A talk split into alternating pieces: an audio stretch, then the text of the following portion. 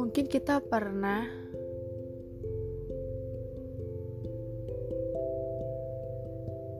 merasa salah, merasa ragu, atau takut melangkah. Kita akan sharing bagaimana ngatasin ragu supaya lebih optimis. Jadi, enjoy aja jalan hidup.